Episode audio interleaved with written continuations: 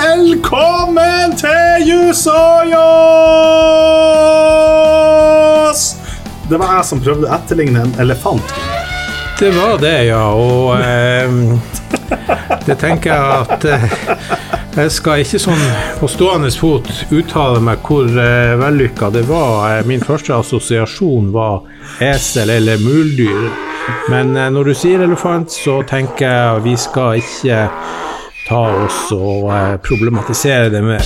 Vi, Kan eh, hende Terje vil klare å berge det på lydredigeringa, tror du det? Eller tror det er. Eh, Terje er en trollmann med lyd, det vet vi, men altså det Det her blir vel eh, ei utfordring som man aldri før har stått eh, overfor, men eh, det gir jo oss en god stikker til hvor vi skal, og, og der eh, kan vi nesten som ta og, og si at eh, at et stikkord er som den store eh, påskelabyrinten. Hvor skal vi hvor skal vi reise?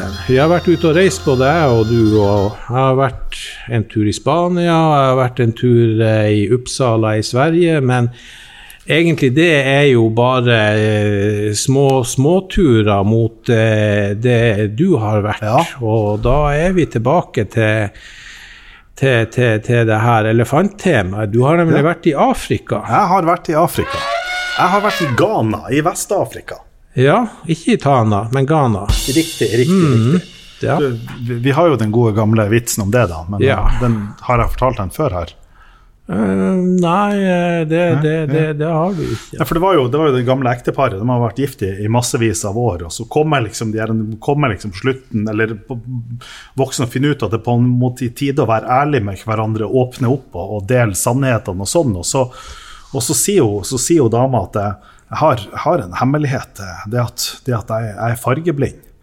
Og så svarer han at ja, jeg har også en hemmelighet. Jeg er ikke fra Tana, jeg er fra Ghana. Så, jeg, jeg vurderte, jeg tror, at, jeg tror at den også er politisk korrekt, liksom. Jeg tror, ikke at, jeg tror at en vitsing om hudfarge som ikke har noen karakteristikker på hudfarge Mm, ja, det er godt råd, godt råd Marius. Vi, eh, vi, får, eh, vi får ta et, eh, en, en runde Terje får ta en runde med Diskrimineringsombudet Ja. før vi legger ut episoden. ja. Eh, jeg er jo mye mer nerd, så jeg tok og, og reflekterte litt over eh, fargeblindhet og det der med Ja. svart og hvitt. Men, Ja, ja. men bagateller, Marius. Bagateller. La, oss, la oss ikke henge oss opp i bagateller. Kanskje, kanskje det heller skulle vært blind, liksom. Kanskje det hadde sittet bedre da. Men men nå er vi på bagateller her. Ja, nå er vi på uh, uvesentlige og, og, og heter òg bagateller, men, men altså, ta nå og ikke la meg strammes som uh, fjæra i ei revesaks. Spytt ut. Hva har du eh, gjort i Ghana? Forhåpentligvis ikke noe à la det som skjedde i åpningsepisoden på Exit sesong to. Nå har jeg fortsatt ikke sett Exit sesong, sesong to, eller heller ikke sett Exit sesong én, men uh... La oss heller bare overlate det til de av seerne som har sett Exit sesong 2, eh, åpningsscenen der. det er greit. Jo, altså jeg har jo, jeg jo i, i doktorgraden min, så var jo en av konklusjonene mine der, det var det at det store og systematiske avviket mellom fungerende rett og gjeldende rett i psykisk helsevern. Og så har jeg lurt på, hvorfor er det sånn? Hvorfor er det sånn at vi har de her lovene som, som virker, og hvorfor har vi noen lover som virker, og noen som ikke virker? Det snakket vi om i forrige episode. Vi pratet om dette med den rettssosiologiske biten der. Nettopp. Og så har jeg på en måte leita i hodet mitt etter måter på en måte utforske det her på. For jeg tenker at Hvis vi på en måte skal jobbe med lover, hvis det på en måte skal være greia, så er det sånn at da bør det på en måte være et samsvar mellom dem. Og jeg tenker at lovene bør virke. Altså Lovene bør på en måte ha et formål at de gjør samfunnet bedre. Eh, og så har jeg tenkt at hvordan kan jeg på en måte spørre de her spørsmålene? Så opplever jeg at i Norge så er jeg på en måte enten for nært eller så er jeg for fjernt. Og så har jeg tenkt hva om jeg drar til en annen plass? Hva om jeg tar et helt nytt perspektiv på det? Så jeg har dratt til Ghana, og der har jeg spurt hvorfor er det sånn at den ghanesiske psykisk helsevernloven Act 846 fra 2012, hvorfor er det sånn at den ikke virker? Og det som har vært det artigste, det er at det er ikke et eneste menneske i Ghana som har sagt eh, Hvorfor påstår du at denne ikke virker? Nettopp. Det, det premisset om at den ikke virker, det har alle ghanesere umiddelbart akseptert. Det høres ut på meg som en ganske eh, kuriøs eh, situasjon, og, eh, og da da tar jeg og, og egentlig flyter tilbake i, i, i, rettshistorien og tenker på svake stater og svake ja, lovgivere. Nemlig. Og det, og det, har vært liksom en av de tingene. fordi at Tanken da på en måte har vært gått inn og sett, på en måte undersøkt det, altså Mental Health Tribunals, altså tilsvarende kontrollkommisjoner. måtte vært på en måte inne og snakket med dem på de psykiatriske sykehusene. Det har på en måte hatt flere der tanker om det. Og så også tanker om å undersøke hvordan er rettssystemet og sånn her. Og så er det selvfølgelig at poenget med denne reisen er at jeg skal jo ikke vite hva jeg skal lære før jeg drar dit. Og derfor har jeg jo lært selvfølgelig helt uventa ting. Ja. Og du drar skrittet tilbake til rettshistorie, og det gjør jeg også, Gunnar. Oi, Fordi oi at når jeg da sitter der og så prater med, med, dem, så bruker jeg da en metode, en komparativ rettslig metode for å prøve å finne ut hvordan er det ghanesiske rettssystemet. Så De første dagene så jeg på en måte diskuterer med to professorer, gjør systematiske intervju hvor jeg følger den oppskrifta til, han, til han Søren Kokkan og Jørn Øyragen Sunde for mm. hvordan er det man, sant, hva er institusjonene, hva er, hvem er det som er, produserer de rettslige normene, eh, hva er idealet for, for retten, flere sånne her spørsmål. Hvor jeg systematisk intervjuer dem i forhold til det her. Og spør jeg er det andre rettssystemer, hvordan er det konkurrerende rettssystemer Altså bruker mm. metode. Og så er det plutselig en av de her professorene som da plutselig nevner at jo da, men, men altså det her er jo, altså vi har jo bare ett rettslig system her. Men, men, du har jo det de herrene uh, the, chiefs holder på med. Og så spør jeg hva er chiefs for noe? Jo, mm. og så kommer det liksom fram at det finnes et stammesystem her. Altså at man har da Ghania er på en måte et, selvfølgelig et kjempe, kjempegammelt land. Så blir det kolonisert, og så kommer britene inn. Og så etablerer britene sitt britiske vestlige rettssystem. Men det er klart, mm. det britiske vestlige rettssystemet det fungerer jo da i strafferettslige spørsmål, og så fungerer det i spørsmål der statsmakta er inkludert. Og så fungerer det i privatrettslige spørsmål der begge partene har penger nok til å betale en advokat. Men det betyr at for 80-90% av befolkninga, med en gang du er utafor de alvorlig kriminelle sakene, med en gang du alle tvister mm. mellom vanlige folk, så må det jo løses på en annen måte. Nettopp, så hvordan skjer det? Jo, det skjer gjennom disse uformelle strukturene. Ja, og så ja. forteller de at dem som da er på en måte, dem som da tar beslutninger, dem som på en måte leder disse prosessene, det er da stammehøvdingene. Nettopp. Og så spør jeg ja, hvor, hvem er det som er stammehøvdinger, hvor får jeg tak i dem? Ja, det sier de, det, det vet vi ikke.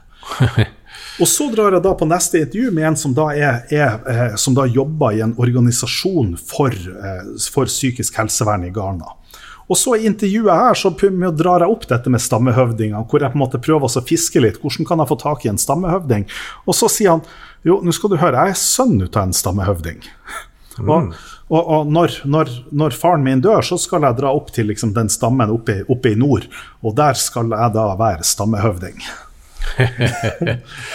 ja, men det er jo, eh, er jo tøft. Eh, men akkurat det du sier der Jeg tenker jo at eh, det her er jo kjent at eh, i masse andre land hvor du har en eh, kolonimakt som underlegger seg stamme og urfolk, så er jo nettopp eh, dette en av de måtene som stamme- og urfolket har Nemlig. å bevare sin identitet Nemlig. og kultur. Nemlig. Så det jeg da gjør med han her, med han her fyren, han, han, heter Sunday fordi at han var født på en søndag. Mm. Eh, men han har selvfølgelig masse andre kule navn, men jeg, jeg likte liksom Sunday var det han liksom bruker. Mm. Eh, så, så, så, vi på en måte setter oss ned, og så gjennomførte jeg på en måte flere intervju med han hvor jeg på en måte spør, hvor jeg bruker akkurat den samme metoden for komparativ, altså komparativ rettslig metode og går systematisk gjennom det her sammen med han og på en måte spør om akkurat de samme spørsmålene, og får beskrevet både et hierarki av domstoler, men også et, et hierarki av rettslige systemer, får beskrevet om hvordan er det normene er, er, er, dannes og eksisteres. Jeg får, får, beskrevet at jo da, alle dommene fram tilbake til hans bestefars tid, eller før det, de er skrevet ned inn i disse bøkene som, som er inne i huset deres. Og, og så spør jeg ja, er den, disse samla inn noen plasser, eller noe sånt. Nei, det er helt, helt ukjent. Så her er du, du har på en måte et samfunn der du har alle de her normene som er skrevet ned, Og når jeg på en måte hører den beskrivelsen av han, så er det som å lese Jørn Øyrehagen Sunde si bok om, um, om spekulum legale, når han på en måte beskriver, beskriver det norske rettssystemet før, sant, før Magnus Lagabøtes landslov, men også de norske tingene, hvordan de på en måte fungerer fram til de siste tingsavgjørelsene vi kjenner. Og hvor jeg på en måte, sant, Det er akkurat de samme prosessene som beskrives. Man beskriver at samfunnet kommer sammen, du har noen som leder prosessen. Man har diskusjoner, man møtes mellom partene. Og det her er akkurat det samme systemet som beskrives, som du finner i, Nils Kristi sin, sin, litteratur. Som er det som førte tilbake til, til at vi fikk, Norge fikk oppretta den første konfliktrådsloven, og som gjør at du på en måte har disse stormøtene. du har den, Det liksom beskrives akkurat, det, akkurat de samme systemene og samme modellen. Mm. Og, så, og, så, er det på en måte, så spør jeg men hva er rettferdsidealet her? Og da syns jeg det er så, så, rørende. Gunnar, vil du gjette på hva svaret på rettferdsidealet er? Hei! Jeg tenker her eh, Det er neppe noen av klassikerne som får utberegnelighet eh, likevekt, men eh, Ja, det er jeg enig. Eh, nå presser du meg hardt, og jeg kommer til å drite meg kjapt og bløtt ut. Men hva med nærhet? Ja, ja. Du, du, du, du, er på Du er på Du er på, du er på, du er på ballen. ja, ja. Svaret er move on. Move on, ja. Move on. Altså move on. Move on. Beveg seg videre. Ja. Og hvorfor det? Jo, fordi at sant, du har dette samfunnet av mennesker som bor sammen. Mm. Du får en konflikt mellom disse menneskene. De kommer fra samme plass, de kommer fra samme samfunn, med denne nærheten som du mm. eh, lukta deg fram til. Eh, og så er spørsmålet hvordan skal man da komme seg videre fra denne konflikten? Der man fortsetter å skal leve sammen i det samme samfunnet. Nettopp. Så avslutninga av konflikter blir helt fremtredende uh, for systemet sin, uh, ja. sin berettigelse. Nemlig. nemlig. Mm. -hmm. Og, så, og, så, blir jo jeg sittende her og på en måte høre på de her beskrivelsene ut av det her. Og nå skal jeg selvfølgelig ikke gjøre, gjøre så veldig liksom, mye ut av det her, fordi at jeg ikke har fått skrevet ned, jeg har ikke fått bearbeida de her intervjuene. og Det er liksom ikke alt sammen som er ferdig transkribert og ikke fått publisert det. Men, men så sitter jeg her og så tenker jeg, jeg, jeg er jo en, en, en, en same av blod. Mine, mine, min farsside kommer fra, fra Tysfjord. Og der er det på en måte et veldig sterkt samisk område. Min mors det er fra, fra Vesterålen og Lofoten, fra de eh, samiske områdene der. Men jeg er ikke samisk av kultur. Det vil si at, vil si at har, jeg har ikke noe vokst opp med en identitet om at, mm. om at, vi er samiske, og fordi at vi er samiske, så gjør det sånn. Vi har vokst opp med en identitet om at mm. vi er nå fra Lofoten, eller vi er nå fra hvor, mm. hvor, man, hvor, vi liksom er fra. Ja, og gjerne har gått mer enn én en generasjon siden Nemlig. språket mista osv. Nemlig. Og, Nemlig. Ja. Og så og så har jeg på en måte tenkt at, at men hva, hvordan er det samene, hvordan er det man i det samiske i Nord-Norge, hvordan er det konfliktløsningene der tradisjonelt sett var før eh, man fikk en kolonisering av Nord-Norge, hvor, mm. hvor, det norske rettssystemet går inn og overtar. Det er jo også noe Jørn Øyragen Sunde kanskje har skrevet mest om. Eh, Nemlig. Og så, men også tenker jeg, også tenker jeg når jeg liksom hører på det og tenker på hva jeg leser kan Jørn Øyrehagen Sunde skriver jeg hører på, hører på min, min, venn Sunday, hvordan han beskriver de tingene, og jeg på en måte leser tilbake, tenker tilbake på all den rettslitteraturen som jeg har lest, men også den antropologiske litteraturen jeg har lest. Og, det, at, og jeg, har jo, jeg har jo fortid som, som, konfliktrådsmegler også, hvor jeg gjorde det i, i studietida. Mm. Og på en måte, og så prøver jeg liksom å tenke at det han sitter her og beskriver her, det tror jo at jeg er den konfliktløsningsmodellen, den måten man gjorde det på, som var det som fungerte i det nordnorske samfunnet for eh, 100 år siden, eller for flere hundre år siden. Det er litt vanskelig å fastslå hvor, hvor lenge det er siden man mista det her.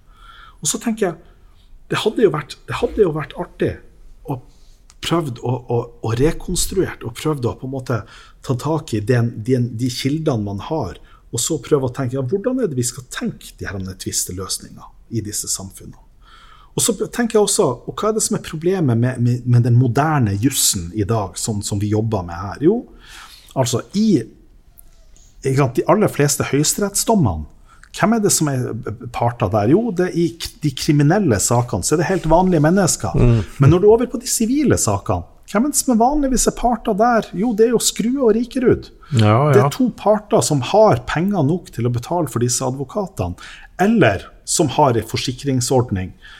Men, men, det er relativt få av disse sakene som kommer for domstolen, også i det norske systemet, som representerer eh, mer enn litt, litt, vanskelig å fastslå hvor mange prosent av befolkninga. Mm, mm. Og, ja, og plutselig så, så, eh, ser jeg det at nå har jeg liksom reist til Ghana for å finne mm. ut hvordan er det den psykisk helsevernloven fungerer. Ja, ja. Og så kommer jeg tilbake med noen helt nye forskningsspørsmål, noen helt nye tanker. Og så tenker jeg OK, vi har Vi er også et kolonisert folk. Mm de er også et kolonisert, men de har klart å ta vare på det som vi mista. Det er veldig, veldig interessant. Men, men, her må vi jo her må vi jo også ta et par altså, altså forbehold. At de britiske kolonisatorene var veldig få. Og per i dag har vi jo 30 millioner mennesker i Ghana. Mens i Norge så var jo det altså helt eh, omvendt. Du hadde ei ja. samisk folkegruppe som yes. Er og var ganske lita, mm. og en stor norsk majoritet mm. som eh, bare tok sånn etter ja. hvert og, og sverma inn over de eh, samiske kjerneområdene. Så det har jo nok også eh, mm. si betydning eh, på at, at det her um, systemet i, i, i, Ghana har beholdt sin mm. styrke, mens uh, uh, som vi ser, den samiske kulturen har jo kjempa en overlevelseskamp de siste la oss si 50-100 årene. Mm. For å, å, å, berge de viktigste tingene, språket osv., osv., slik at de her eh, gamle konfliktløsningsorganene eh, har kanskje, kanskje delvis gått ut av, eh, av sirkulasjon, men eh, jeg har jo snakka med hva vi si, noen av våre eh, kollegaer som eh, mener at fremdeles er slike ordninger i i, i, bruk. I, i, bruk i samiske storfamilier, da, hvor eh, ei gammel dame går på besøk med gaver til, til, til dem som har vært eh, slemme, og så eh, bare sitter der og lar den eh, dårlige stemninga utfolde seg. til slutt så blir noen nødt til å si noe. Å, det er vakkert. Det er vakkert. Det, det er det. Men jeg har, jeg har um, Altså, det, det jeg liksom er kommet tilbake herifra med, jeg har, jeg har liksom to, to, artikler som jeg på en måte har, har tanker om å på en måte få pepra ut, liksom. Og Det ene er på en måte om dette psykisk helsevernsystemet og sånn, som jeg nå ikke har fått prata om, men det andre er på en måte om disse tvisteløsningssystemene.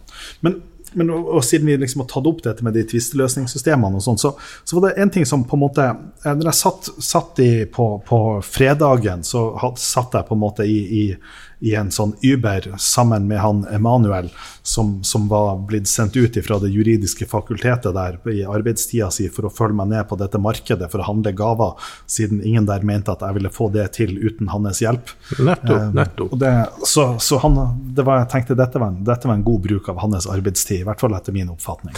Ja, det det, det, det, tror jeg jo så gjerne, det at eh, der kunne kulturkløfta blitt alvorlig stor hvis du skulle vært sluppet løs med en neve dollars på det ja, markedet. Ja, ja, ja. Så det var. Men i hvert fall på vei tilbake der, så, så sitter jeg på en måte og prøver å spørre han Emanuel og han eh, drosjesjåføren eller Bolt-sjåføren eller Uber eller hva mm. vi nå tok for noe.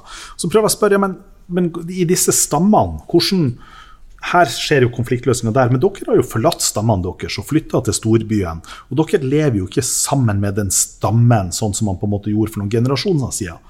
Og dere har jo heller ikke penger til å ta disse konfliktene opp for rettssystemet. Så hvordan gjør dere det? Hvis du mm. krangler med naboen din, hva gjør du da? Mm. Og, en rettsløs kaste i storbyen? Nei, det de da beskriver, da beskriver de det at nei, men da, da går de til, til, til en community leader. Mm. Og så spør jeg å ja, en community leader, jaha. Hvem er det som er en community leader? Det Er det bydelsrådet? Ja, og det er, blir de litt, sånn, litt sånn utsvevende på, fordi at begge to vet jo hvem som er en community leader.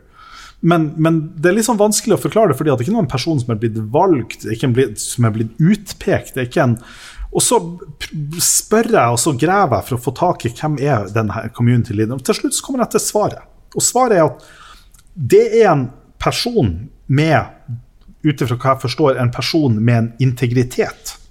Ja. Men, altså, det, det, er et voksent menneske med en integritet som er respektert av begge parter. Nettopp. En slags sånn eldste. Ja, men, men også da i byen, altså mm. inne i storbyen, så er det de da beskriver, den mekanismen de da vil bruke, det er det at de vil mm. da vil sette seg ned og så vil de spørre hvem er det vi begge to respekterer? Har det noe med stamme, tidligere stammetilhørighet å gjøre òg, eller? Nei, ut fra hva han kunne forstå, så har mm. det ikke det. Det vil kanskje kunne ha det med å gjøre, men, men, men hvis du har en konflikt mellom to personer i to ulike stammer, så vil man jo Man vil ikke la den konflikten bli stående uløst. Mm. Og da er svaret at da må man finne tak til det mennesket som begge to respekterer. Nettopp, nettopp. Og så og så tar jeg skrittet tilbake til det norske samfunnet. Og så tenker jeg men Gunnar, hvem er det vi respekterer? Hvem vi respekterer? Vi har vel dokumentert det i en uh, usannsynlig rekke av episoder av Juss og Joss at det er jo stort sett ingen. Nemlig! Nemlig. Og liksom, jeg prøver å tenke etter, men altså, Hvis jeg skulle ha en konflikt med min nabo, ja. så er det litt sånn ja, men hvem er, det, hvem er det jeg og min nabo vil respektere. At vi vil ha det til felles. Men jo, du har det offentlige. Sånn, mm. det, det, vil være Den offentlige myndigheten vil vi begge to respektere. Mm. Men er det noen private? Vil vi respektere sjefen på Rema 1000? Vil vi respektere lederen av bydelsrådet? Vil vi respektere presten? Vil vi respektere eh, han som er leder for velforeninga i nabolaget? Er liksom, mm. Det er ikke opplagt at noen av de her er mennesker som ja, vi vil kunne respektere. Ja, og i hvert fall ikke lederen av forliksrådet. Ja, da uttaler jeg meg på generelt grunnlag, da. Ja. Nei, så, og dermed så tenker jeg kanskje, kanskje det at vi har altså Kanskje dette med respekt er på en ja. måte og at vi, fordi at vi har, vi har i det norske samfunnet flytta respekten vår til den offentlige myndigheten. Det, det er et interessant synspunkt, og, og vi trenger ikke å skru tida mer tilbake enn til ja, la oss si 1960-tallet, hvor altså eh, egentlig eh, ikke alle bodde i byer, plutselig. Mm. Du hadde jo en masse bygder rundt omkring, og, mm. og, i de bygdene så var det jo slike respect craving persons. Ja. Det skal være da eh, skolelæreren, ja. det skal være presten, meieribestyreren. Nemlig. Eller andre som, som hadde fremtredende eh, roller i, i, i denne bygda eller lokalsamfunnet. Mens ja. eh, urbaniseringa har på en måte fragmentert eller Nemlig. pulverisert. Nemlig. Nemlig. Og plutselig så står vi da som individuelle mennesker fragmentert, pulverisert, mm. uten de nære relasjonene i samfunnet, uten mennesker rundt oss som vi egentlig har respekt for, bortsett fra i den aller nærmeste familien. Vi mangler felles størrelser, skikkelser, som har, som har respekt. Og dermed så blir vi i konfliktene Da mangler vi på en måte gode måter å, å løse dem på på et enkelt nivå, uten at vi må på en måte etablere det offisielle systemet. Og Det er kanskje der konfliktrådene kommer inn. fordi at Konfliktrådene blir kanskje et uttrykk for en offentlig myndighet. Noe ja. som det offentlige har sitt, sitt stempel på som ingen kjenner, men fordi at det offentlige har akseptert det, så har man kanskje en form for respekt der. Ja, jeg tror du er inne på noe der, og, og vi kan jo trekke det enda lenger. Eh, du sier Uskru og Rikerud som eh, kjører sakene sine for åpen scene i um, domstolene, men vi har jo fått i det moderne altså, samfunnet fått etablert en masse mindre alternative konfliktløsningsorgan. Mm. nemndene og nemnder og sånt. Og sånt. Når folk er misfornøyd med noe de har kjøpt på Elkjøp, og Elkjøp har gjort et eller annet av de berømte stuntene sine, som jo nesten skjer daglig når det gjelder markedsføring og det ene og det andre, så springer jo folk til Forbrukerrådet. Nemlig. Så et av de første store og eh, moderne klagemurene, det var jo liksom eh, Forbrukerrådet. Og siden så har vi jo fått en rekke sånne tvisteløsningsorganer, forsikringsklager, finansklager på, på banktjenester, du har eh, håndverkertjenester eh, det, det, det, er masse klagenemnder og fragmenterte organer som kan hjelpe oss med løsninger av veldig mye av de små eh, ilandsproblemene vi støter på i hverdagen. Og fordi at de fleste av disse her ikke har noen domsmyndighet, mm. så er de avhengig av hva for å bli respektert og følges opp? Da er de jo avhengig av at eh, deres mening eh, veier tungt, har eh, autoritet og, og, og, blir da eh, fulgt opp av eh, partene, og aller helst den sterke part i Nemlig. forholdet. Og, og, der har vi jo sett da at det, det har vært noen eh, eksempler på at kommuner og andre offentlige organ, til tross for at eh, Sivilombudet, eh, som jo da skulle være en skikkelig mm. faglig tung eh, klagenemndsorgan, men som ikke har domsmyndighet, har konkludert med at kommunen, fylkeskommunen, whatever organ har gjort feil. Og det kommunen har sagt, ja ja, Nemlig. sorry, Drit fortsatt like mye er det, i det. Nemlig. Og det er klart, det disse organene Det du sier med veldig mange ord, mm. vil jeg si med dette samme ordet som min venn drosjesjåføren og Immanuel. Spørsmålet er om man har respekt for det eller ikke. Mm. Det er klart, og Derfor så tenker jeg at kanskje en av de viktigste tingene det er jo det at i disse organene at vi klarer å beholde en respekt for det.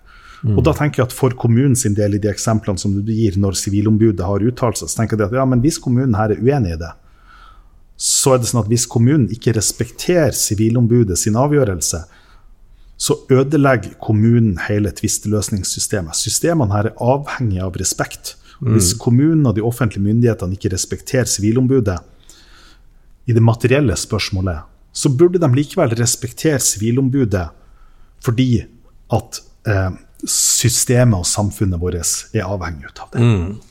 Enig. Enig. Og eh, og det burde kanskje være, være sikkerhetsventiler for at eh, de som ikke respekterer, ikke viser respekt, kan få svi. Ja. Mm. Så da er vi tilbake på heksebrenning igjen. Ja. hva er, hva er hva, er bedre å, å, å, brenne hekser når man tror på prosjektet? nemlig. nemlig. Mm. Du, eh, jeg tror, skal, jeg tror, vi skal, avslutte min ganesiske ghanesiske reise. Ja, da tenker jeg at eh, da er det jo like godt at eh, vi eh, bare tar og lander i iskalde Norge igjen. Slik som du fysisk gjorde.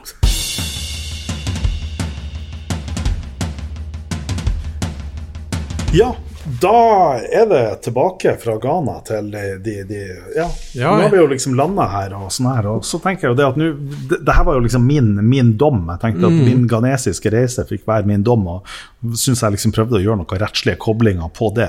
Men uh, Gunnar, vi trenger jo en ordentlig dom. Er du, ja. er du klar for oppgaven? Jeg er jo klar for oppgaven. Eh, det, det her er jo her er jo litt Wirkola-følelse, sånn etter vi har vært igjennom eh, din, din fantastiske eh, Ghana-reise og alt du har opplevd og alt du har lært der. Og vi har ennå ikke begynt å prate om psykisk helsevern i Ghana. Det, nei, det tenker jeg. Det får vi, får vi ta en, eh, en, en, en, annen gang. Ja, kanskje, kanskje, kanskje, sånn um, egen uh, slik gjør de det der i Ghana-episode. ja, det, Så får jeg samle i hop hvordan man gjør det andre. Ja, men Gunnar, nå holder vi på å rote oss vekk. Ja, det er jo kjent stil. Ja. Hvor, hvor, hvor er du? Hvor vi er? Vi er jo, Hvor skal vi reise? Vi er jo i mai, du, du skjønner milde, og vi skal, vi skal ikke reise langt. Vi skal reise til Universitetet i Tromsø. Ai, ai, vi skal ai. reise til Det juridiske fakultet. Der sitter hundrevis av studenter i disse tider og skal ha sin eksamen. Åh, vakre, nydelige studenter. Ja, Jeg heier på dem alle. Det gjør jeg også, og vi er jo eh, nå Denne eksamen, denne våren, er jo en, en, en postpandemisk eksamen, Ja. hvor vi enda sitter med studenter som i veldig stor grad sitter med disse hjemmeeksamene og hjemmeskoleeksamene. Eh, de gamle hardcore skoleeksamene har enda ikke gjort sitt fullstendige comeback. På disse hjemmeeksamene så har jo studentene alle hjelpemidler til rådighet, og godt er det. Men på disse hjemmeskoleeksamene så er det jo litt eh, kjipt at eh, du må sitte og skrive som, eh, som hakka møkk og har eh, like lite tid å slå opp i noe som Ja. om du hadde vært på en Ja. live skoleeksamen. Så det hjelper ikke så mye. det hjelper ikke så mye. Men du har et du har et stort spøkelse, et stort etisk-dramatisk spøkelse som eh, lurer i bakgrunnen. Og det er at du kan hende at du får en eksamensoppgave om eh, ja, La oss nå tenke at vi, nå har jo ikke vi så dumme eh, eksamensansvarlige hos oss, men altså Heldigvis. Heldigvis ikke. Sånn, skriver skriv alt du vet om vesentlige kontraktsbrudd, Ja. f.eks.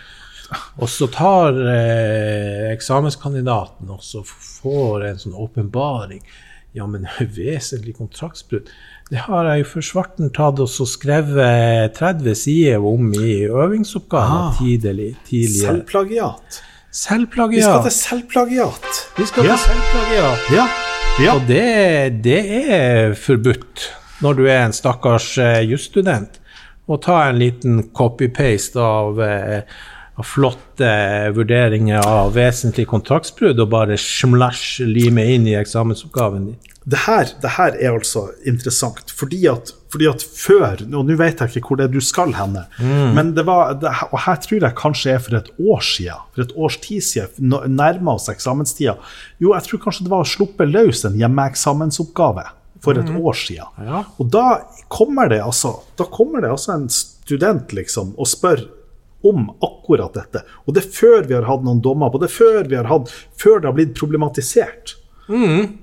Og, og jeg avgir jo et svar på det her, hva jeg tenker at det er riktig. Og så for å forsikre meg, så spør jeg da en, en, en kollega som, som er prodekan, og som er helt enig med meg, som da sier at ja, men så lenge som man kopierer seg sjøl, så må jo det gå helt greit. Og Det Ja. viser seg jo det at det svaret som både jeg og den min kollega eh, avga, slett ikke var så um, uproblematisk. Nei, det var ikke det. I fjor vår så ble en uh, sykepleierstudent i Agder eh, utestengt i ett år for å ha gjenbrukt da et uh, partitekst fra en tidligere oppgave studenten hadde, hadde skrevet. Og dette vakte mange reaksjoner. Annet eh, en leder av, eh, av et eh, etisk utvalg for forskning, Johan Gjertsen i eh, Bergen, gikk sterkt ut imot et så strengt Ja. plagiatbegrep, objektivt om man kan kalle det. Ja. Eller. Og eh, en annen sak er jo at eh, om man enn kopierer seg sjøl, så, så tror jeg at du brukte da betraktninga at man har jo opphavsrett til sitt eget materiale. Det er riktig. Men eh, så støter jo det imot hva vi sier, selve da eh, de eh, vilkårene for en eksamen, at man da skal gjøre da en individuell og selvstendig prestasjon eh, basert på eh, det man mm. mentalt er i stand til den dagen. Nemlig. Men eh, det, her, eh, det her er vanskelige ting. Ja. Og én ting er jo at vi tar og eh, forfølger jusstudenter og plager dem med at, at det her er eventuelt uetisk, det er feil og sånt, eh, sjøl om det kan absolutt være delte meninger om det. Men hva så når eh, disse jusstudentene eh, blir eh, rundt 50 år gamle lagmannsrettsdommere?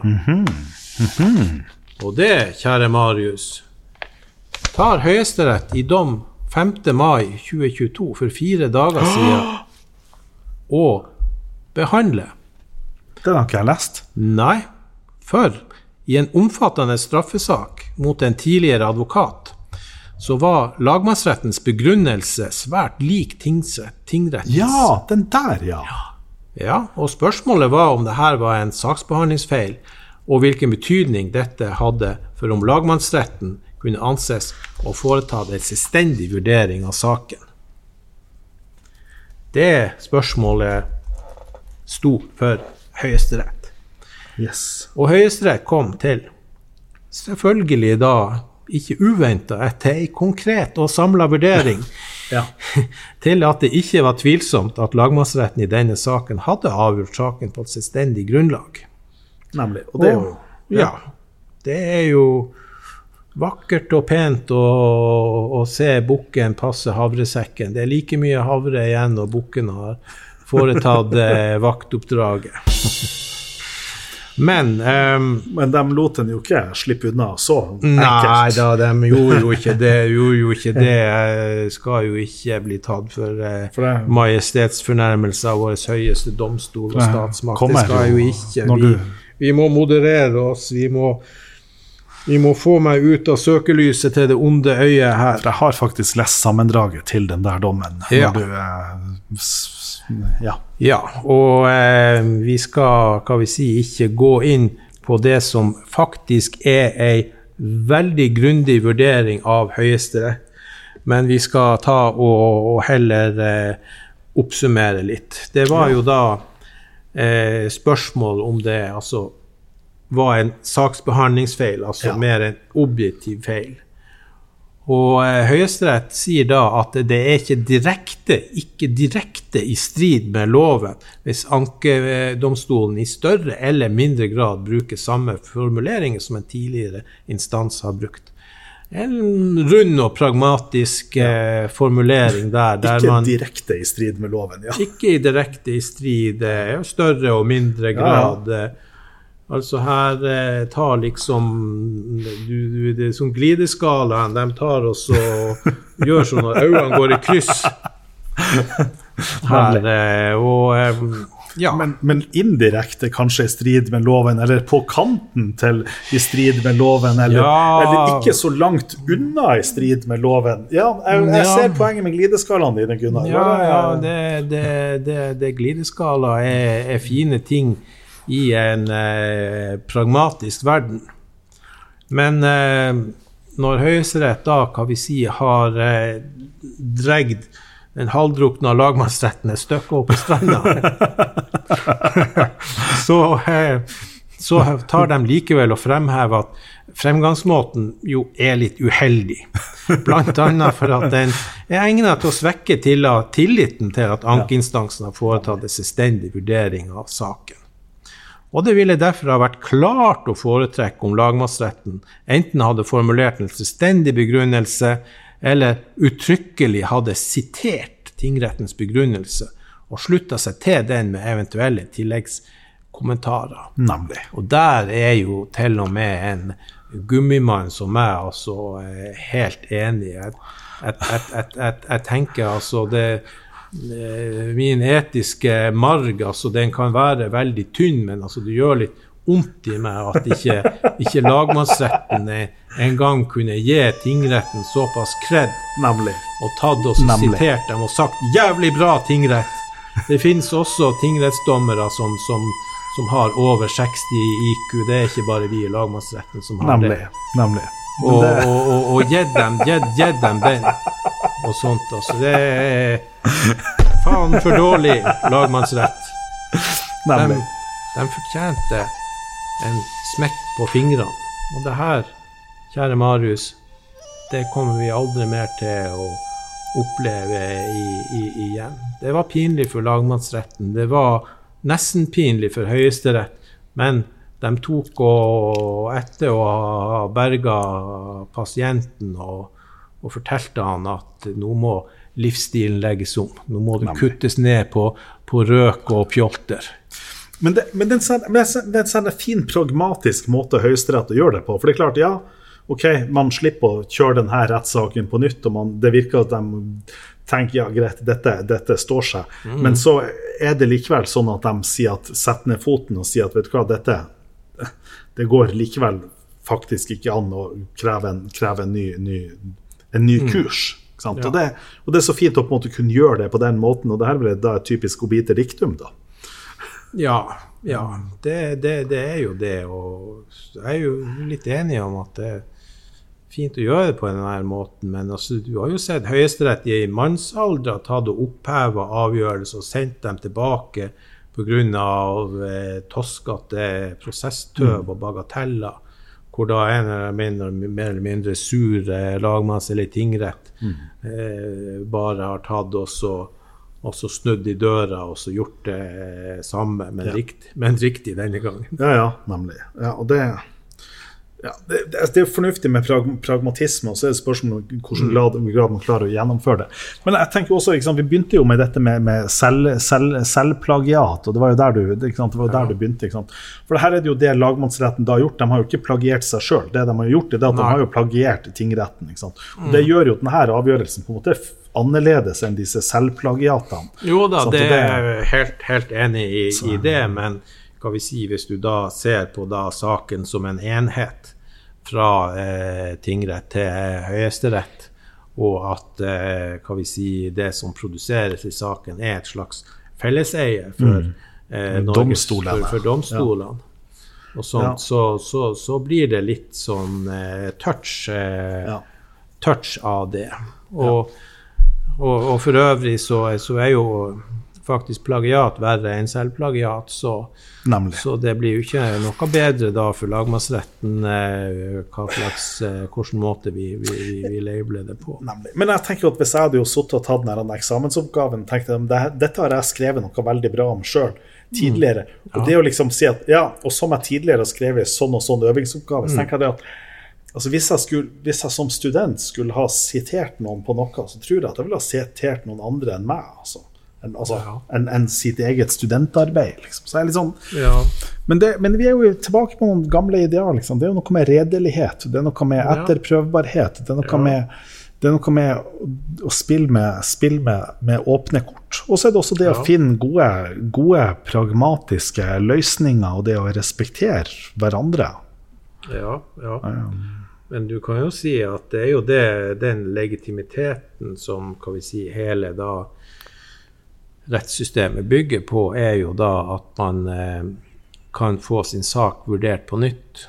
Ja, nemlig. Og det er jo et av de styggeste skudd man kan få for den eh, baugen da hvor, eh, hvor hva vi si, altså ankedomstolen eh, bare ser på med et trøtt øye og sier at vi, det her orker vi ikke, du er, du er en skurk. Ja.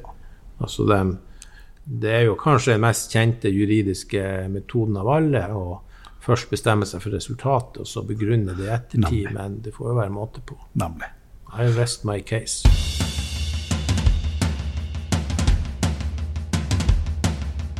Nå er det har vært nok, nok skitprat fra oss. Nå mm. tenker jeg at må vi få inn noen som kan noe. Ja, det, det, vil være, det vil jo være en kvalitetsøkning på så mange hundre prosent at Så, så um, vi har med oss hvem, hvem, er det vi har med oss? Øyvind Holst heter jeg. Øyvind Holst, Og hvem, hvem, er du? Jeg ser jeg har en mann som har spist altfor lite mat, men som likevel har fått i seg flaggstangfrø, som har briller, og som er over 30 år gammel. Ja, definitivt. Godt over. Eh, nærmer seg det doble. Eh, jeg er som andre her på bruket, tror jeg. Jurist. Ja, det er et kvalitetstegn. Eh, vært en god del år i domstoler og påtalemyndighet. Eh, og sett derfra eh, så syns jeg alltid at helsevesenet så ut som noe av det mest rare jeg hadde med å gjøre. Det er helt eh, så da jeg fikk anledning til å på en måte bli med over dit, så tok jeg imot det tilbudet. Eh, så nå er jeg der. Oslo universitetssykehus. Ja. Ja.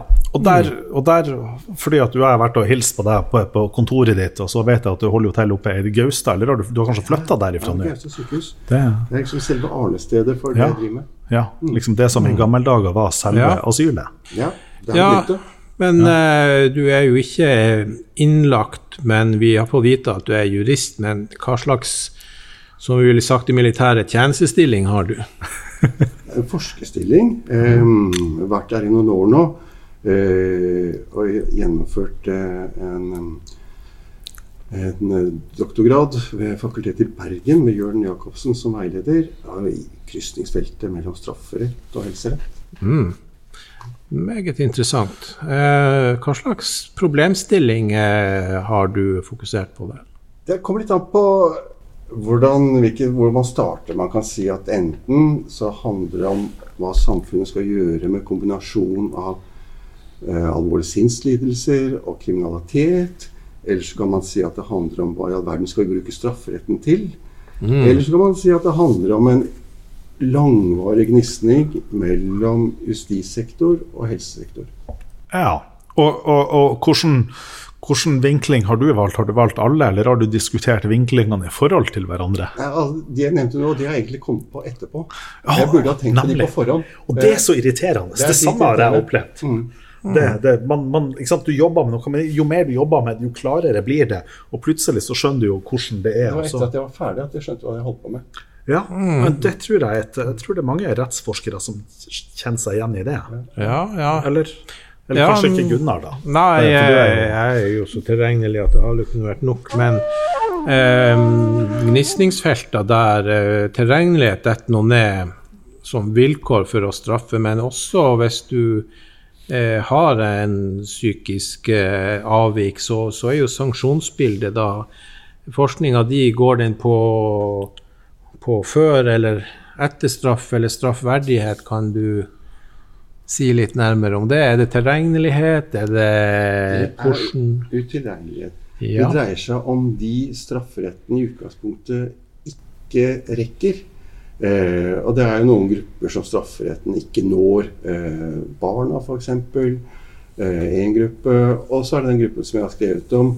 Eh, de som har en alvorlig sinnslidelse og av den grunn ikke er strafferettslig tilregnelige. Jeg vil bare nevne at jeg holdt en forelesning om det her i Ghana, på, et, på det juridiske fakultet der. Sånn. Det sånn bare for å liksom dra trådene her og bare vise noen sammenhenger her. Ja, ja, ja, ja. Så da, da, da, da har dere Da er dere eh, brothers in, eh, in arms. eh, Og ja. Nei, men det her er jo interessant. Men, men Øyvind, i, har, du, har, du lest, har du lest din porsjon av Nils Kristi? Lest eh, min porsjon av Nils Kristi, ja. Hva tenkte du på? Nei, nå tenker jeg på den, den eh, 2004-boka 'En passelig mengde straff'. Ja.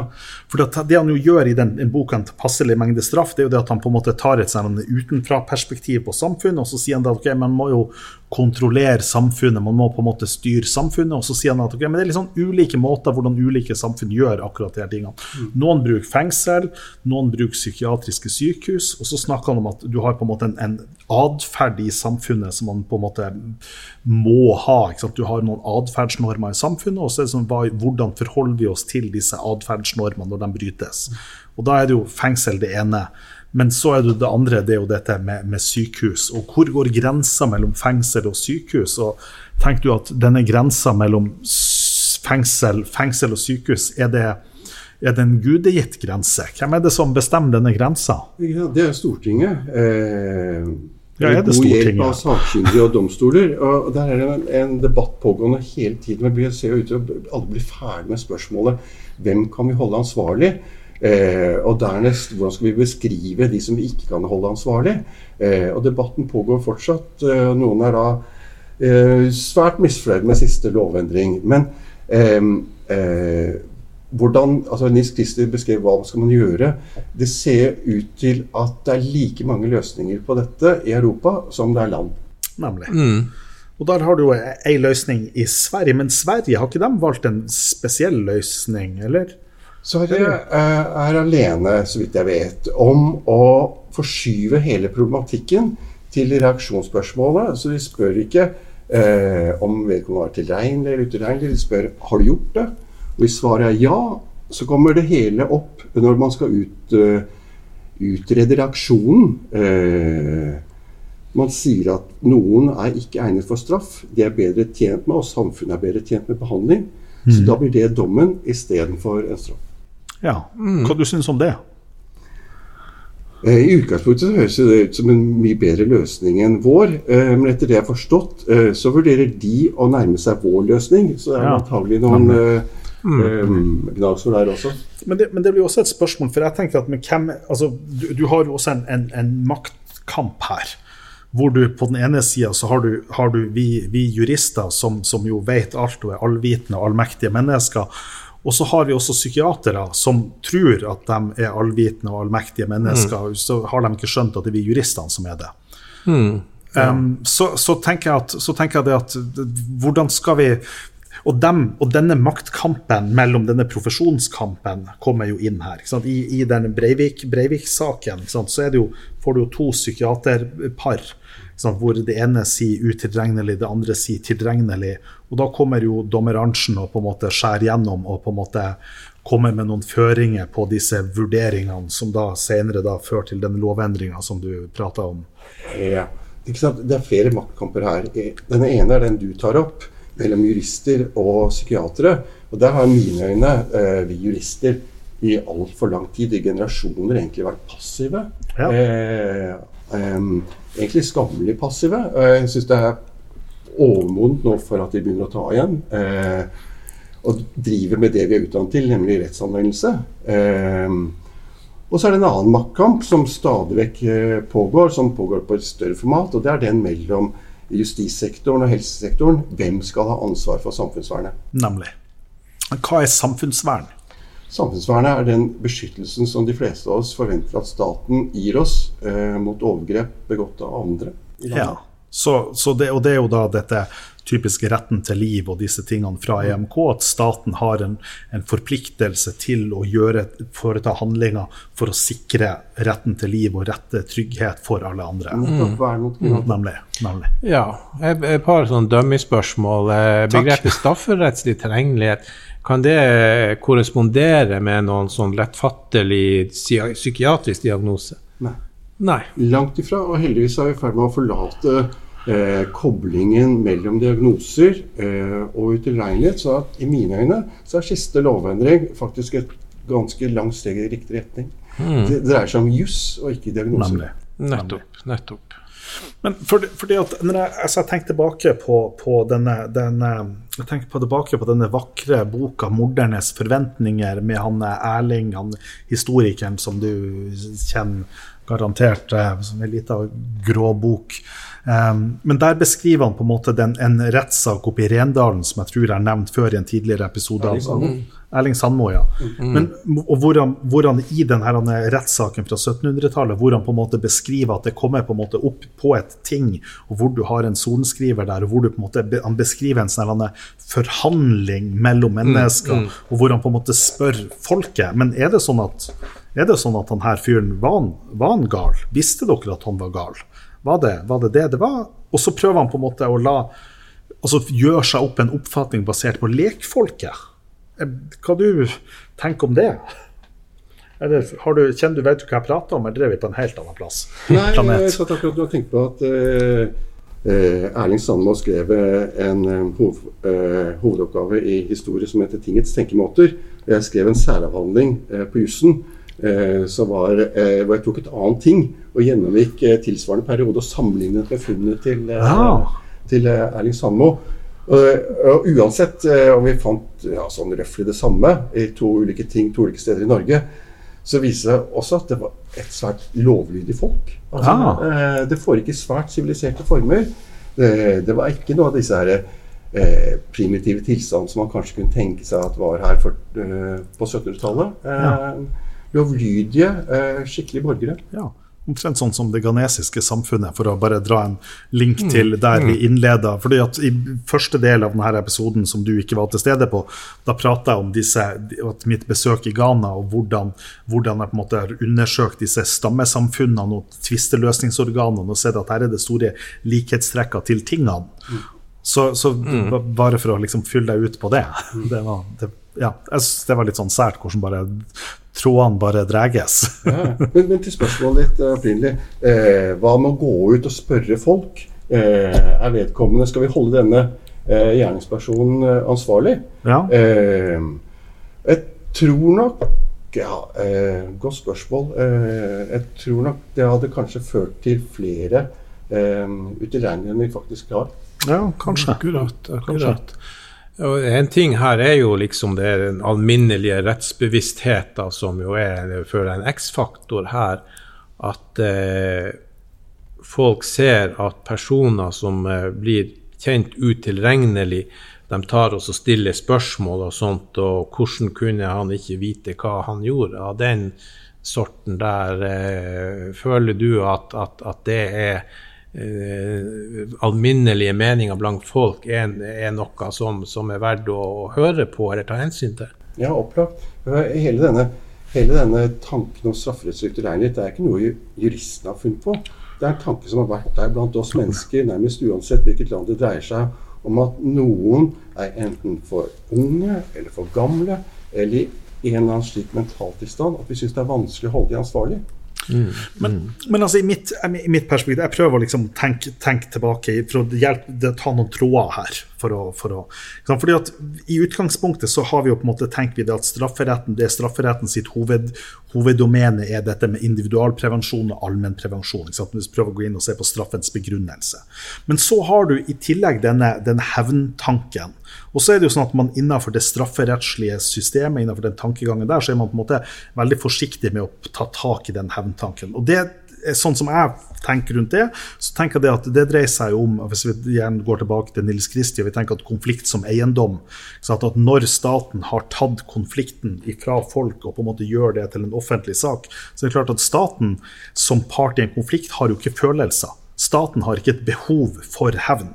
Sånn at Som en del av at man har tatt konflikten, så har man også tatt dette hevnelementet ut av konflikten. Men samtidig så har du disse ofrene i konflikten. De har jo likevel ofte et behov for en hevn. Ja. Og dermed så er det sånn at Selv om man sier individualprevensjon og allmennprevensjon, så må jo denne løsninga likevel tilfredsstille ofrene i saken på en, på en akseptabel måte. og Dermed så blir Ja. dette hevnelementet eh, likevel indirekte en del ut av det. Ja, hev, hevnen må føles eh, tilfredsstillende nok for eh, nemlig. de som. Nemlig. Men så, men så får vi da i disse sakene her, fordi da har vi den grunnleggende ideen om at hvis du skal holde noen hvis du måte, Den grunnleggende ideen hvis du skal ha en hevntanke, det er jo at det må være en skyld der. Altså uten, uten, uten en skyld, uten et ansvar, så kan du heller ikke holde noen ansvarlig. Og så Ja. tenker jeg det at med dette skyldkravet det, det, I mitt hode så henger det sammen med, med hevntanken. Jeg klarer ikke helt å få dette skyldtanken helt henge inne på prevensjonstanken. Henger du med på resonnementet mitt, Øyvind? Du har tenkt mye mer på det her enn meg. så... Jeg, jeg tenkte å ta en litt annen innfallsvinkel Ja. til det. Fordi eh, i mine øyne så kan man antagelig trekke inn hevnperspektiver også eh, overfor dette som kalles dom på tvungent psykisk helsevern. Som da er tenkt å være å ikke være en straff. Det, skal, altså, det er liksom fastslått helt klart og tydelig. Dette er ikke en straff. Man bruker strafferetten også utenfor eh, de som kan straffes. Men allikevel eh, så mener, man, mener jeg at man under gjennomføring av dom på tvungent psykisk helse- helsevern kan finne igjen dem, sånne tanker som du nevner, nemlig i eh, tanker om hvor lenge vedkommende skal være innesperret. Ja. Ehm, Og sett fra et, et helseståsted så er det jo ingen grunn til å sperre folk lenger inne eh, enn det er behov for å beskytte samfunnet. Nemlig. Men i dette tilfellet her så gjør det seg gjeldende noen, noen tanker om at de kan godt være inne på døgnavdeling litt lengre. Bare så liksom det merkes. Nemlig. nemlig. Og, og, og det blir jo en, en Sånn som du fremstiller så framstår det for meg som en, som en ulogisk tanke basert på systemene våre. Altså Det framstår som, som en jeg, jeg tenker at det er en rimelig tanke basert på hva offer opplever. Hva som på en måte vil oppleves akseptabelt. Men så tenk, opplever jeg det at når vi på en måte tar det derifra og tar det opp Ja. til systemene våre, og hvordan vi begrunner dette, så syns, syns jeg at det er vanskelig å akseptere den begrunnelsen. Ja. Eh, og sånn så kan man si at Deler av dette her er en miks av hensyn hvor man ikke har klart å være prinsipiell i det hele tatt. Eh, her har man en minstetid på tre uker på døgnavdeling. Eh, det er den tiden enhver eh, må være på en døgnavdeling før man får permisjon eller, eller Ja. blir overført ut til kommunen sin. Og den begrunnelsen som er gitt for den treukersperioden, den eh, er at legene trenger tid til å bli kjent med vedkommende. Men de kjenner jo vedkommende fra før av. Nemlig. Mm. Nemlig. Ja, det er jo det er jo voldsomme dilemma her om å gjøre godt med det onde og ondt med det, med det gode. Og hensynet til individet her og omverdenen og, og sånt. Og det, det er jo helt forferdelig. Vi ser jo i sak etter saker altså, hvor syke folk eh, blir sluppet fri og ting går veldig galt. Og andre Ja. kanskje tilfeller der man eh, eh, tar og unødvendig hold på folk som bare blir sykere av det som var ment å være behandling. Ja, fordi at, fordi at har Vi vi har prata om prevensjon, og vi har, og vi har prata om, om dette hevn. Også i tidligere så pratet vi pratet om disse dette med tingene. Så prøvde var liksom prate om dette, hva er rettferdsidealet? Er jo rettferdsidealet i disse stammesamfunnene, eller i dette, er på en måte det å gå videre, move on. Og så tenker jeg jo at, at kanskje, kanskje man på en måte skulle ha prøvd å tenke noe videre i disse løsningene. Men det som jo også er en problemstilling i her sakene, det er jo Men hvem er det, hvor er det, altså hvilket budsjett er det disse menneskene skal på? Skal de på en måte på justisbudsjettet, eller skal de på helsebudsjettet? Og, og, og hvem er det som på en måte skal ha ansvaret for å følge det opp, Øyvind? Hvilket budsjett? Eh, eh, kan si? At- du jobber på OUS, så Ja, ja. Eh, man kan si at, at straffeloven er liksom en av justissektorens sentrale virkemidler. Men den, den rekker seg bare, eh, bare så langt man kan straffe folk. Og så kan man tenke seg at Da burde justissektoren gi seg der, eh, og la andre drive med, eh, med de som strafferetten ikke når. Men så enkelt har det ikke vært. for Justissektoren har vært langvarig misfornøyd med hvordan helsesektoren håndterer kombinasjonen av alvorlig sinnslidelse og samfunnsvern. Så etter å ha prøvd gjentatte ganger gjennom 50-, 60-, og 70-, 80-årene å få en bukt med dette her, få grep om disse pasientene, så nådde de gjennom på 1990-tallet eh, og fikk laget sin egen strafferettslige vei til eh, Åsgård og alle andre institusjoner, eh, sikkerhetsinstitusjoner rundt omkring i landet. Slik at eh, det ble ikke lenger legene som rådde over hvem som skal være på psykiatriens institusjoner. Eh, det ble i tillegg slik at justissektoren eh, kan sende de de måtte ønske, eh, til de samme institusjonene, uavhengig av hva legen måtte mene. Nemlig. Og det er klart at Hvis vi da går tilbake til 1800-tallet og denne ideen om asylsuvereniteten Asylsuvereniteten den innebar jo at, at det var asyllegen som bestemte hvem som skulle være der. Og det var jo dobbelt side. På den ene sida hvem det er som skal skrives inn, men det andre sida hvem det er som skal skrives ut.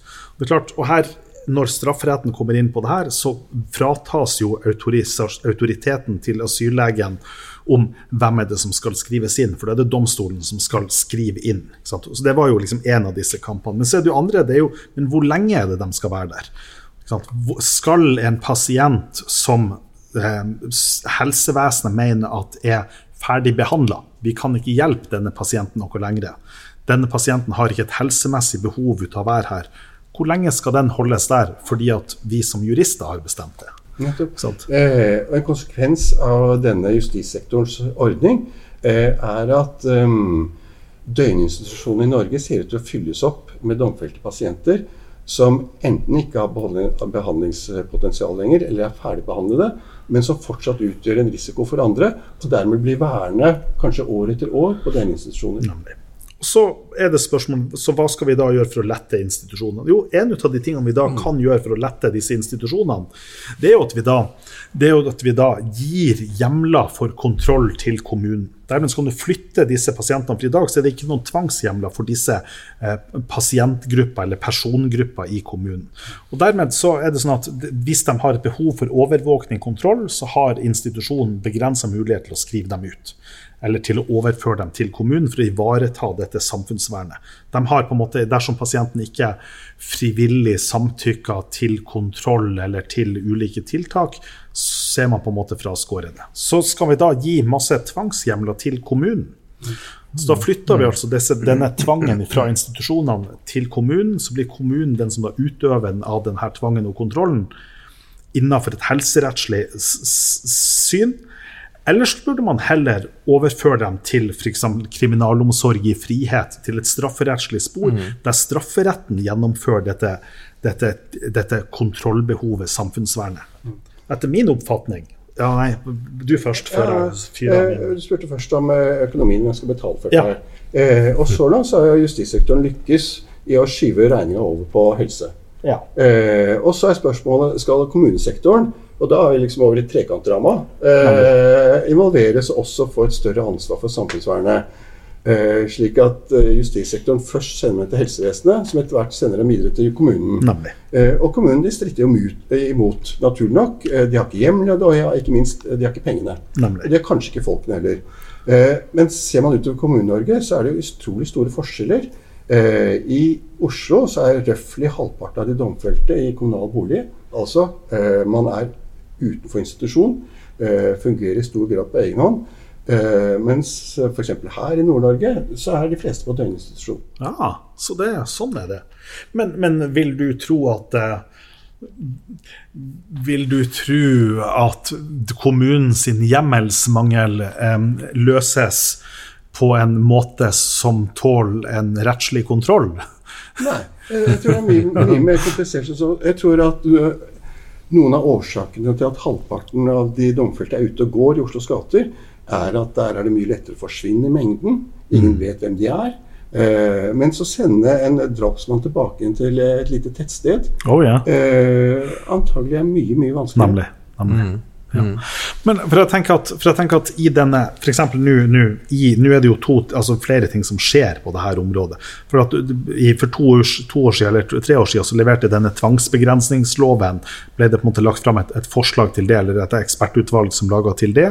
Og en del av forslagene der det er jo på en måte at man da skal gjøre det til disse tvangshjemlene, at man skal gjøre det institusjonsnøytralt og nivånøytralt. Og dersom de forslagene går igjennom, så tenker jeg at for akkurat denne pasientgruppa, så vil du få en voldsom eh, flytting av tvang til denne, til denne kommunesektoren. Selv om at meg bekjent, jeg kan ikke huske å ha sett disse spørsmålene bli drøfta i det forslaget. Nei, eh, Nettopp fordi at de hadde anså det som sitt mandat å ikke gå inn i det. Nemlig. Så de har klart gitt uttrykk for at de domfelte pasientene, de vi snakker om, eh, de skal ikke berøres av deres forslag. Så dermed så står vi igjen med de domfelte pasientene som status quo. Eh, og så skal de andre pasientene eventuelt underlegges et nytt regime hvis dette lovforslaget går gjennom. Ja, og nå er det jo lite som tyder på at det går gjennom med det første. Så, så hva burde vi da Burde vi egentlig samle samfunnsvernet på kriminalomsorgen? Nei, jeg syns eh, heller at det er eh, lettere å tenke seg et et tettere samarbeid mellom helsevesen og kommune. Eh, og der eh, synes jeg at Randi Rosenquist har et veldig godt forslag. Eh, hun kaller det for sikkerhetshus, så vidt jeg husker. Sikkerhetshjem. Eh, som dreier seg om at mennesker eh, kan leve under beskyttede forhold, få et viss, viss grad av tilsyn uten å ta opp plasser på eh, ja. psykiatriens institusjoner. Det høres jo veldig, det syns jeg høres veldig fornuftig ut. Um, men det som, det som altså Det er jo jeg tenker liksom problematisk. Det ene det er på en måte plassene, men det andre er jo dette, dette behandlingskapasiteten, behandlingstilbudet.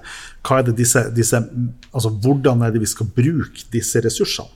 For jeg tenker at det, Hvis vi tar f.eks. Breivik, så er det sånn at ja, det, altså, For meg så er det jo helt opplagt at Breivik er jo rapegal. Eh, men samtidig så tenker jeg nok at sannsynligvis er jo den dommen fra Oslo tingrett riktig, med at han nok ikke er nok rapegal til å, til å bli dømt. Så jeg tenker at dommen er nok riktig. Men likevel så er det helt opplagt at han har et, et stort behandlingspotensial, for å si det sånn. Eh, men så tenker jeg at men han har jo ikke en vilje, et ønske om behandling. og jeg tenker at Det å da bruke masse ressurser på å behandle han, tenker jeg at meningsløst. Jeg tenker at Det som er poenget i forhold til f.eks. For han, det er å ivareta samfunnsvernet. Og så tenker jeg at Det er veldig mange som han som ikke har i nærheten av det farepotensialet som han har, men som likevel ikke har et ønske eller et behov eller et, om oppfølging fra helsetjenestene. Og Da tenker jeg at da må vi jo som samfunn i stor grad respektere det. Jeg tenker at, jeg tenker at det er det misbruk av helsetjenestene å ta det fra de ressursene fra mennesker som har et behandlingsbehov, over og tvinge de menneskene som ikke har det. Så tenker jeg at Da må vi heller ha disse sikkerhetshusene der du har den nødvendige kontrollen, der du har den nødvendige oppfølginga, der man kan ivareta samfunnsvernet. Ja, og så har man da den paradoksale situasjonen nå, satt på spissen, eh, at eh, grov kriminalitet er den beste veien til en av psykiatriens eh, få plasser. Ja. Og da ja, Og med at vi da flytter, flytter, altså flytter, ansvaret fra justissektoren over på helsesektoren, så blir konsekvensen at det binder opp helsetjenestene i, i, binder opp plassene i helsetjenestene, og det gir jo et dårligere helsetilbud. Ja. Ja, så hvis du er da eh, i behov for eh, behandling, kan ha nytte av behandling, eh, ønsker behandling, så kan du likevel stange hodet i veggen eh, fordi at de få plassene som finnes, eh, igjen da med en spissformulering, opptas av domfelte. Nemlig. Gunnar, vil du oppklare oss? Vi, jeg, tror, jeg, tror Ja. at, jeg tror at vi har sprengt tida vår. Tror jeg. Jeg tror eh, altså det her er jo utrolig interessant. Det er ekstremt vanskelige eh, avveininger, og jeg syns at han eh, har eh, svart veldig, veldig godt på veldig mange vanskelige og, og tunge eh, spørsmål. Jeg syns han fortjener å komme på Dagsnytt 18 istedenfor å sette opp lages med oss.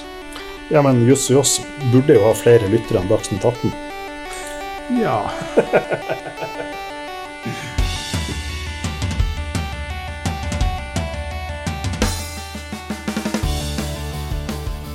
Podkasten Juss og Joss produseres i samarbeid med Result på Universitetet i Tromsø.